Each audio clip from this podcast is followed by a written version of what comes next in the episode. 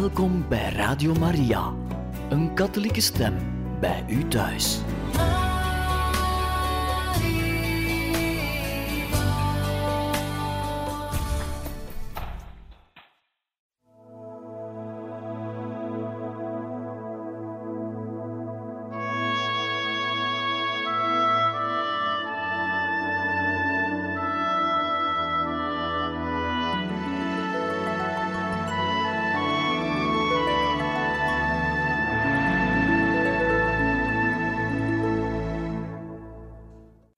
Luisteraars van Radio Maria, hartelijk welkom in dit programma Heilige Getuigen. Vandaag starten wij met een nieuwe lezing over de wenende maagd van La Salette, geschreven door eerwaarde heer de Vleeschouwer. We beginnen met een voorwoord door de heer Rijntens. Deze omgewerkte en sterk uitgebreide heruitgave van Licht en schaduw over de Alpen te La Salette is evenals dit eerste werk gegroeid uit een grote liefde voor het indrukwekkend Mariaoord midden in de Franse Alpen. De schrijver, die sinds de eerste uitgave herhaalde malen de pelgrimstocht ondernam, biedt hier zijn verrijkte en verdiepte inzichten omtrent de wonderbare verschijning en haar sprekende betekenis voor onze tijd.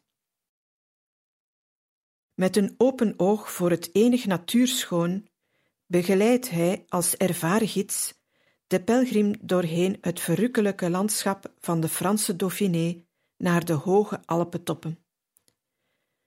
Met een open hart voor de boodschap van de wenende dame mediteert hij over de ware betekenis van de verschijning en van de woorden die Maria sprak tot de twee herderskinderen en tot iedere pelgrim van La Salette.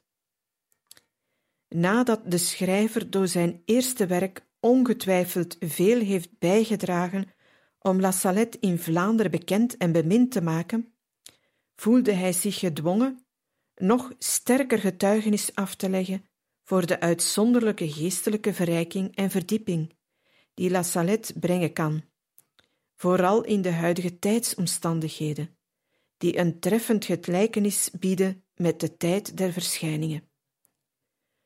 Mogen dit vurig getuigenis aan velen een vernieuwde belevenis brengen van de gelukkige dagen die zij in La Salette doorbrachten.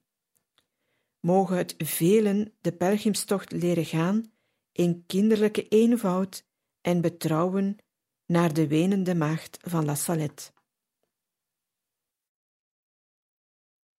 We gaan nu over naar de inleiding door eerwaardeerd Vleeschouwer, de schrijver.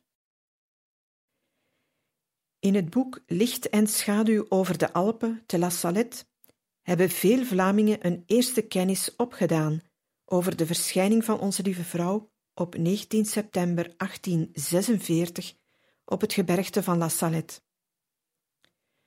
De geschiedenis van de wenende maagd op de Alpen viel zodanig in de smaak van ons Mariaal volk, dat in ongelooflijk korte tijd de oplage van 4000 exemplaren totaal uitgeput was. Herhaalde dringende aanvragen en het vurig verlangen van ons volk om La Salette beter te kennen, hebben ons ertoe aangezet een nieuw boek over de verschijning van onze lieve vrouw te La Salette te laten verschijnen.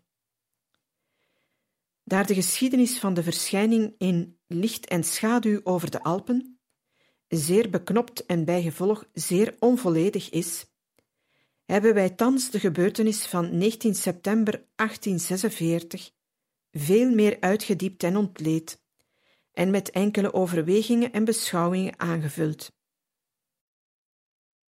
Aangezien dit werk veel ruimer is en heel anders opgevat dan het voorgaande, was het nodig het onder een andere titel te plaatsen, namelijk De wenende maagd van La Salette. Als biddende en boetende pelgrims zijn velen erheen getogen op bedevaart, en diep in hun ziel ontroerd hebben ze neergeknield voor de voeten van de lieve vrouw, die daar weent van eindeloze smart. Welke zalige uren dicht bij onze lieve hemelmoeder, de moeder van smarten, naast het eentonig borrelend fonteintje, midden de stilte van de indrukwekkende hoge bergen, waar men ver van het rumoer van het gejaagd leven, vrij van kommer en zorgen, zo diep ademen en zo rustig nadenken kan. Uren en dagen vliegen hier in een omzien voorbij. Hier is het zo goed. Hier zou men zijn tent willen opslaan. Hier zou men willen wonen voor altijd. Deze plaats is geheiligd. Men voelt een diep heimwee de ziel overrompelen wanneer het ogenblik aanbreekt om afscheid te nemen. Hoe zalig is het op die uren, mijn goede moeder, hier bij u. Wij knielen neer om u te zingen na blijverblijf ons afscheidslied. Kom, o moeder, treed nabij en schenk ons uw zegen. Zegen, moeder, uw pelgrims en mij. La Salette betekent reeds meer dan honderd jaar een stroom van genaden, een geheimnisvol mysterie, maar ook een schijnbare tegenspraak, zoals trouwens alles wat van God komt en waaraan de mensen een natuurlijke verklaring trachten te geven. Zoals anderen heb ik ook getracht het machtig mysterie van het heilige bergte een weinig uit te diepen, en zo voel ik me geneigd het bijzonderste van wat ik daar heb ontdekt ten dienste te stellen van ons Mariaal volk. Als ik vandaag op 19 september, feestdag en verjaardag van de verschijning van ons lieve vrouw te La Salette, mij gedwongen voel om met het neerpennen van die ervaringen aan te vangen, heb ik daar geen andere uitleg voor, tenzij deze. Het is omdat de wenende dame uit de eenzame bergen me in haar netten heeft gevangen, en omdat ze me daar een weinig inzicht heeft gegeven in datgene wat ze te boodschappen heeft aan onze eeuw, aan ons volk en aan mijn eigen ziel. Het ligt niet in onze bedoeling de verschillende Maria-heiligdommen met elkaar te doen concurreren. Lourdes, Fatima, Borin en Banneux en de zo talrijke andere gezegende Maria-orden zijn als zoveel schakels van de mariale ketting en blijven ons diep en innig genegen. Het is niet omdat we in het leven nieuwe vrienden ontmoeten, dat wij de oude moeten vergeten of opzij zetten. Op elke plaats die Maria heiligt door haar hemelsbezoek, brengt zij ons een speciale boodschap, aangepast aan de nood van haar kinderen. Ieder Maria-heiligdom bezingt haar glorie, zoals de blijde, de lichtmysteries, de troeve en de glorievolle mysteries samenwerken aan de heerlijke schoonheid van dezelfde rozenkrans. De schrijver.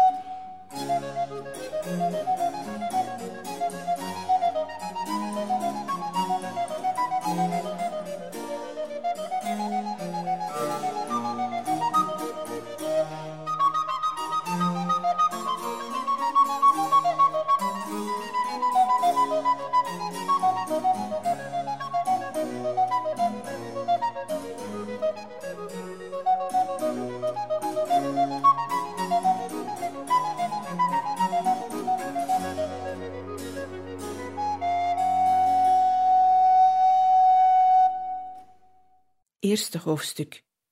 Wat is La Salette? La Salette is een bergtop. Het is een bergkruim, 1800 meter hoog, gelegen in de hoge Alpen van de Dauphiné, in het departement van de Isère, op het grondgebied van het onbenullig dorpje La Salette, dat nog geen 500 inwoners stelt. Te midden van diepe ravijnen en majestatische bergreuzen ligt het daar in een enig mooi natuurschoon, woest, groots, echt aandoenlijk, bijzonder geschikt om er uren te zitten mediteren over de grootheid en de almacht van de Schepper en over het onbeschrijfelijk drama van het verlossingswerk van Christus. La Salette is ook een verschijning. Daar in die hoge, reine Alpenlucht komt men in voeling met een stukje van de hemel.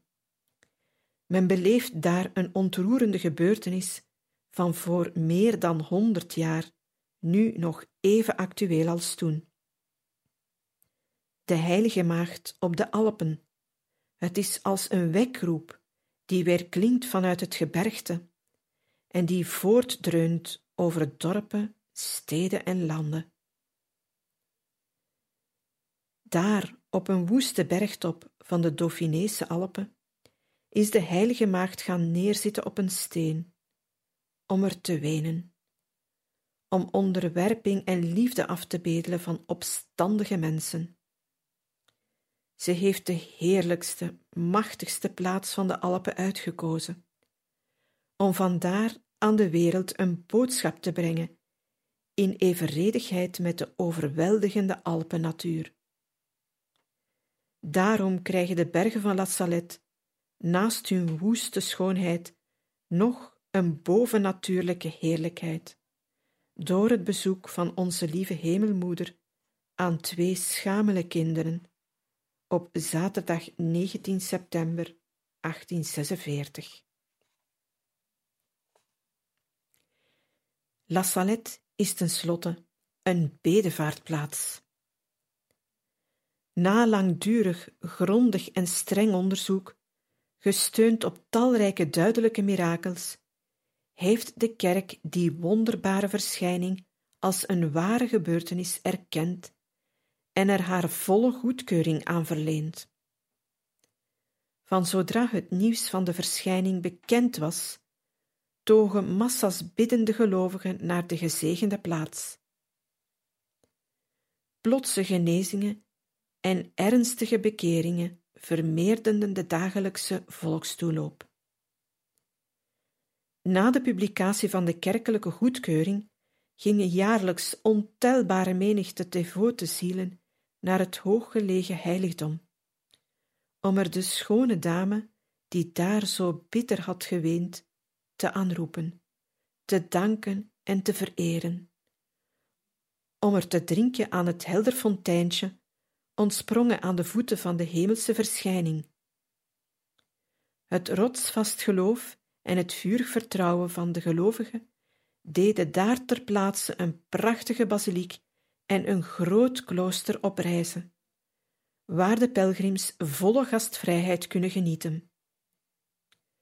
Het geheel vormt een heiligdom, enig in de wereld, in indrukwekkende harmonie met de woeste schoonheid van die heerlijke bergen. De pelgrims genieten er onvergetelijke uren in een atmosfeer van innigheid, stilte en gebed. Uren die te midden van ons hedendaags bedrijvig en gejaagd leven een aansporing zijn en een heropleving teweegbrengen van geloof en van liefde. Hoofdstuk 2 Naar La Salette Kom, kind van Maria, reik ons uw hand. We brengen u naar de ravijn van de Cesia, op het heilig gebergte van La Salette.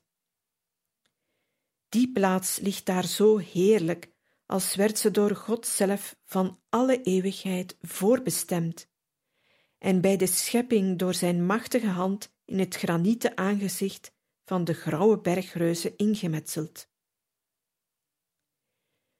U die wellicht getroffen zijt door lijden en smart, brengen we naar de wenende moeder van God.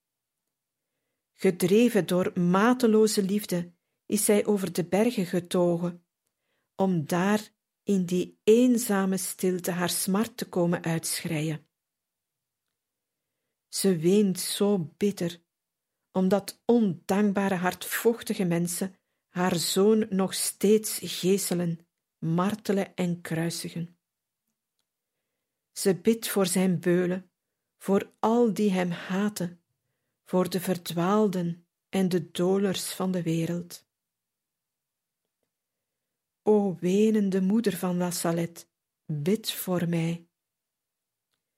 Het is de noodkreet van ontelbare moeders, die zuchten en wenen om een ontaarde zoon of dochter, om de onuitstaanbare miseries in hun gezin.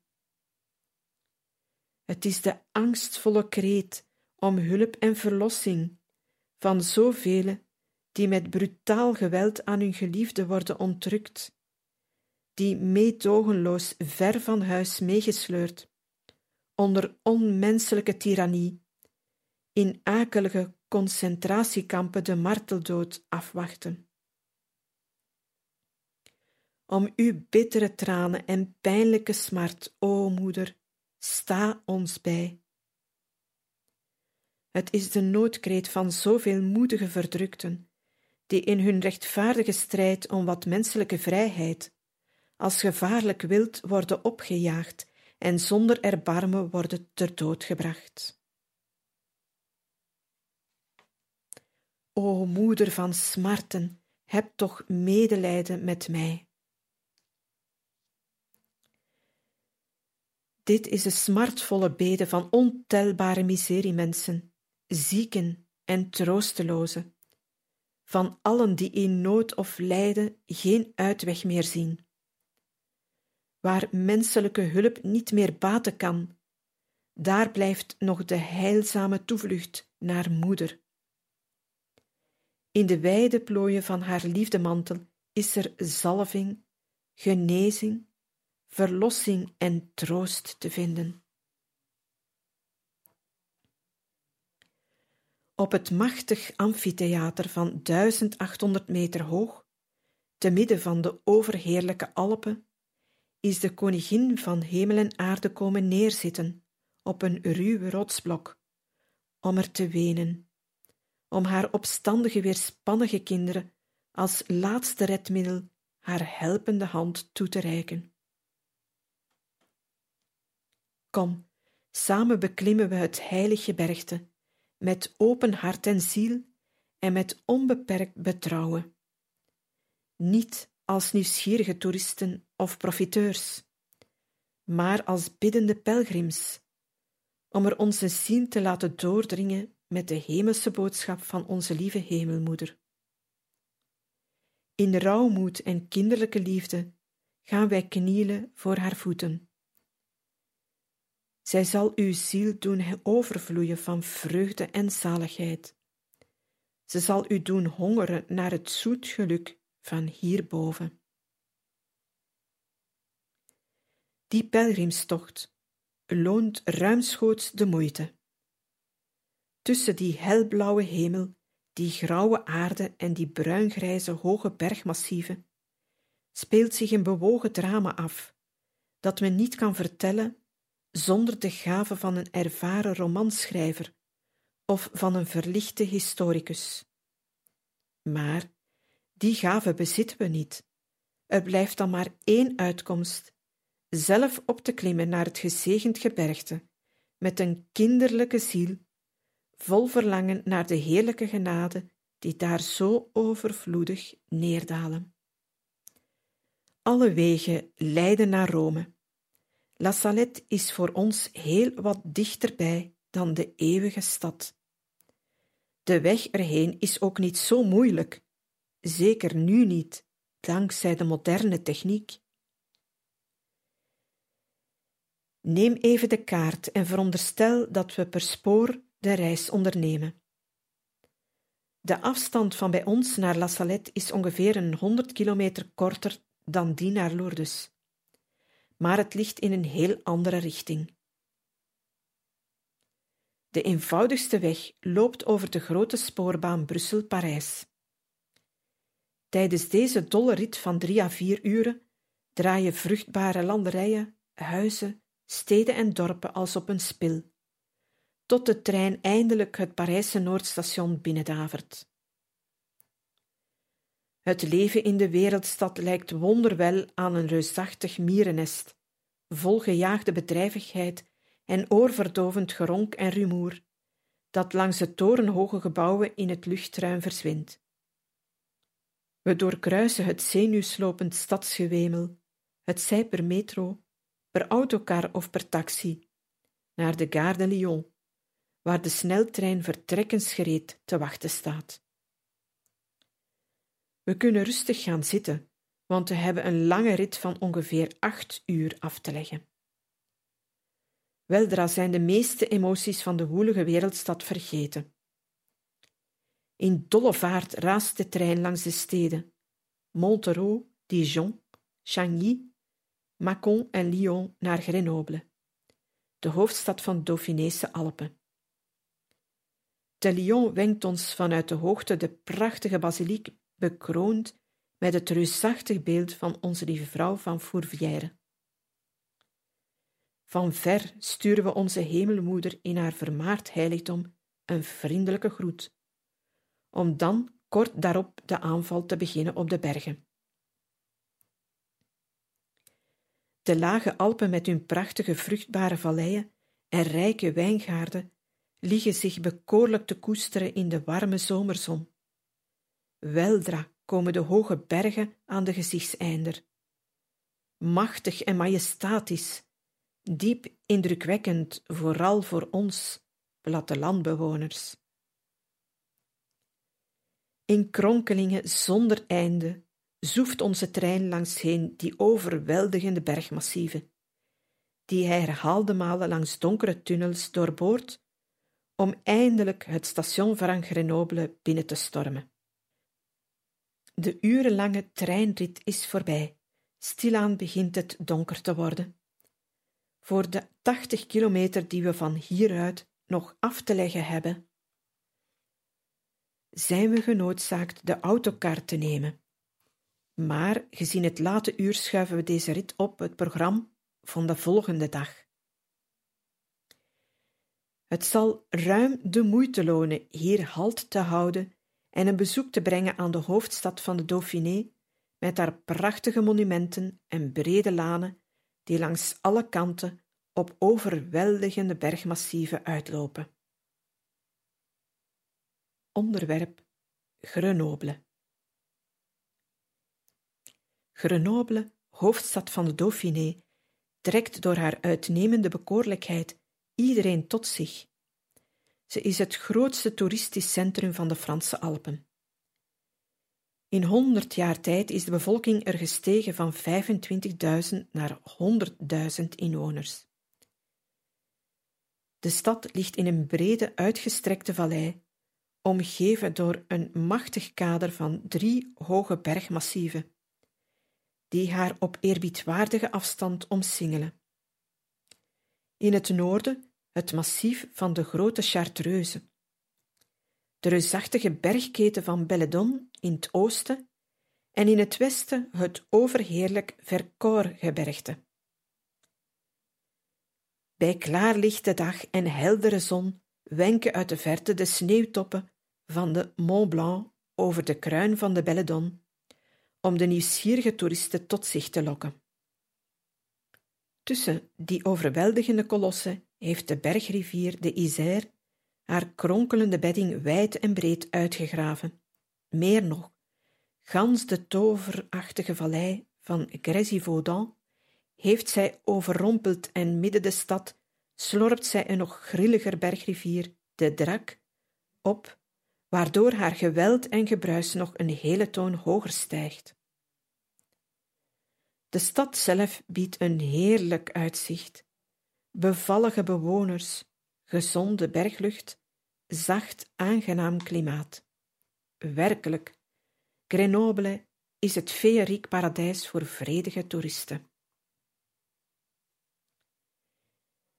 Als hoofdplaats van de Franse Alpen is Grenoble zeer modern, niet tegenstaande haar hoge ouderdom.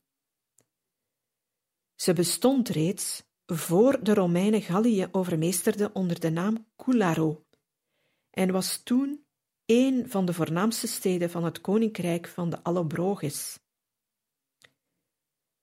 Nadat de Romeinse keizer Gratianus haar had ingepalmd in 359 tot 389, heeft hij er een stevige vesting van gemaakt, indrukwekkende monumenten opgericht en haar verheven tot de rang van Civitas Romana, onder de benaming Gratianopolis. In de loop van de eeuwen werd de naam van de stad vervormd tot Gratianoble, om eindelijk te komen tot de huidige benaming Grenoble. Haar geografisch bevoorrechte ligging deed haar op zeer korte tijd ontpoppen en groeien tot een wereldstad, die met haar beroemde universiteit, haar bisdom, haar parlement en prefectuur met de grootste steden van Frankrijk kan concurreren. Daarbij is Grenoble een zeer actieve industriestad met grote fabrieken, dankzij de ontelbare watervallen, een onuitputtelijke bron van elektriciteit. Als specialiteit vinden we daar cement en handschoenen naast fijne noten, honingzoete druiven en sappige meloenen. De stad is ook rijk aan waardevolle kunstschatten, van het hoogste belang voor schilders en archeologen. De kunstvolle crypte van Sint-Laurentiuskerk uit de zesde eeuw, de collegiale Sint-Andreaskerk herinneren aan de onvergetelijke middeleeuwen en de harmonische renaissance.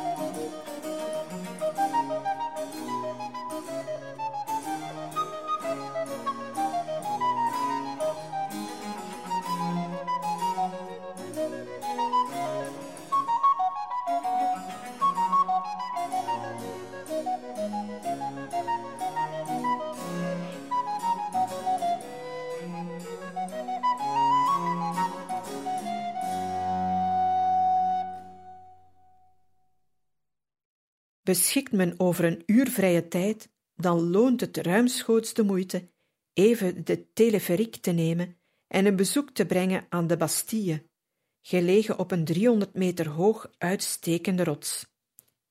Welk heerlijk panorama! De ruime stad ligt daar in de diepte. Welk een variëteit van rustieke huizen, grootse monumenten, groene lanen en daartussen de hemelblauwe kronkelende linten van de Isère en de Drak. Vol bewondering staat men verbluft voor het romantisch bergencircus dat de stad volledig omsluit. Het massief van de grote Chartreuse is indrukwekkend. Daarnaast rijst de beroemde piek Pinea en heel nabij de Col de Porte, waarlangs Sint Bruno met zijn zes medebroeders onder leiding van de bisschop van Grenoble de woeste wildernis binnentrok, om er zijn wereldvermaarde abdij van de Chartreuse te stichten. We klimmen wat hoger op de Saint-Hénard en zien voor ons de 2980 meter hoge top van de Belledon. Welk betoverend afwisselend schouwspel! Op een uitgelezen plekje onder de schaduwrijke bomen houden we halt, om volop te kunnen genieten van dat enig mooi panorama en van allerlei verrassingen die de hoofdstad van de Dauphiné en de indrukwekkende bergen en valleien ons bieden. De zon, het grillig spel van wind en wolken, van licht en schaduw. Alles draagt bij tot een voortdurende afwisseling van kleuren en indrukken.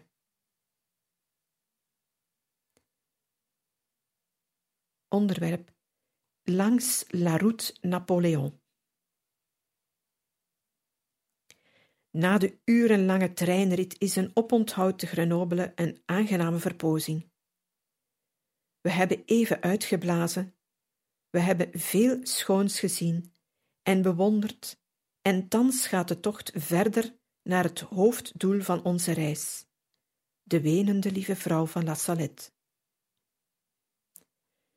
Van hieruit, zoals ik al zei, is men verplicht de reis per autocar verder te zetten. Even buiten de stad snellen we langs een lommerrijke laan, die acht kilometer ver pijlrecht doorloopt naar Jean Jaurès. Vier rijen bomen overschaduwen die eindeloze lange laan in drie vakken ingedeeld. Gans de duur van die rit geniet men van de enig schone Alpennatuur. Rechts schieten de scherpe toppen van het Vercors-gebergte hoog in de lucht, eenzaam en verlaten. Links ligt het uitgestrekt massief van Beldon met op de kruinen de eeuwige sneeuw. Dit reusachtige bergencircus met zijn onmetelijke sneeuwkap, zijn fijn kantwerk van spitsen en naalden, dat alles overgoten met een brandende zon, bieden een eigenaardig feeriek en machtig schouwspel. Even voorbij Jean Jaurès volgen we de drak en weldra bereiken we het beroemde stadje Vizille, waar we vlug een oogje gaan werpen op het middeleeuws kasteel met zijn merkwaardig park. Deze oude burcht is in de geschiedenis beroemd door de beruchte vergadering van de Generale Staten van de Dauphiné op 21 juli 1788, toen de bakermat van de Franse Revolutie. Naderhand was dit slot het vredevol buitenverblijf van de president van de Republiek en sedert de laatste jaren is het een museum. De uitgestrekte vijvers van het kasteel zijn in een nationale forellenkwekerij omgevormd. Jaarlijks worden er honderdduizenden geëxporteerd naar alle hoeken van het land en tot ver over de grenzen. Eens het spoorwegstation van Vizille voorbij, loopt de baan over een afstand van zeven kilometer steil recht omhoog, tot aan het dorpje La Frey, met zijn drie grote meren, die we zes kilometer ver gaan volgen. Daar op de hoogvlakte van 900 tot 1000 meter liggen trapsgewijs drie uitgestrekte meren. Aan de rand van het eerste meer begroeten we het ruiterstandbeeld van de grote keizer Napoleon. Een treffende herinnering. Hier, tussen de bergen en het meer, botste op 7 maart 1815 de onverzadigbare wereldveroveraar, na zijn vlucht van het eiland Elbe, op de koninklijke troepen van Lodewijk XVIII. Deze veldslag beginnen betekende voor Napoleon zich reddeloos verloren geven. Zijn handvol soldaten was op verre na niet opgewassen tegen het machtig koninklijk leger. Geweld kon niet baten. Hij werpt zijn zwaard weg en ongewapend trekt hij gans alleen tot voor de opgestelde vijandige troepen. Daar ontbloot hij zijn borst en proclameert zijn kortste, maar beroemdste redevoering. Soldaten, hier is uw keizer. Herkent ge mij niet meer? Zo er één onder u is die op zijn generaal wil schieten, hier ben ik. Door die moedige woorden opgezweept, springen de soldaten naar hem toe, tillen hem op hun schouders onder het geestdriftig geschreeuw van Leve de keizer! En nog dezelfde avond trekt Bonaparte triomfantelijk Grenoble binnen, waar hij door gans de bevolking feestelijk werd onthaald. De volgende dag vierde hij zijn intrede te Lyon en enkele dagen later werd hij te Parijs met open armen zegevierend ontvangen. Dat alles dankzij zijn moedig en beslissend optreden bij het meer van La Als blijvende herinnering aan deze gebeurtenis gaf men deze baan de naam Route Napoleon. Langs alle richtingen ziet men bergen en nog bergen, met aan hun voet lieve kleine dorpjes, ouderwets en primitief, met allen een specifiek eigen karakter. Hoe pittig, stil en rustig zien die eruit, s'avonds bij zonsondergang na stikhete dag. De oudjes zitten op de deurdorpels gemoedelijk te praten terwijl de vrouwen in een geur van melk en hooi staan te kletsen rond de enige waterbron van het dorp. Voor de oningewijde pelgrim is heel die weg een ware openbaring, dat gracieus licht- en schaduwspel van die helderblauwe hemel en dat sierlijke grijs en donkerbruin van de bergen. Ze vormen een puzzel met steeds nieuwe en wondere combinaties.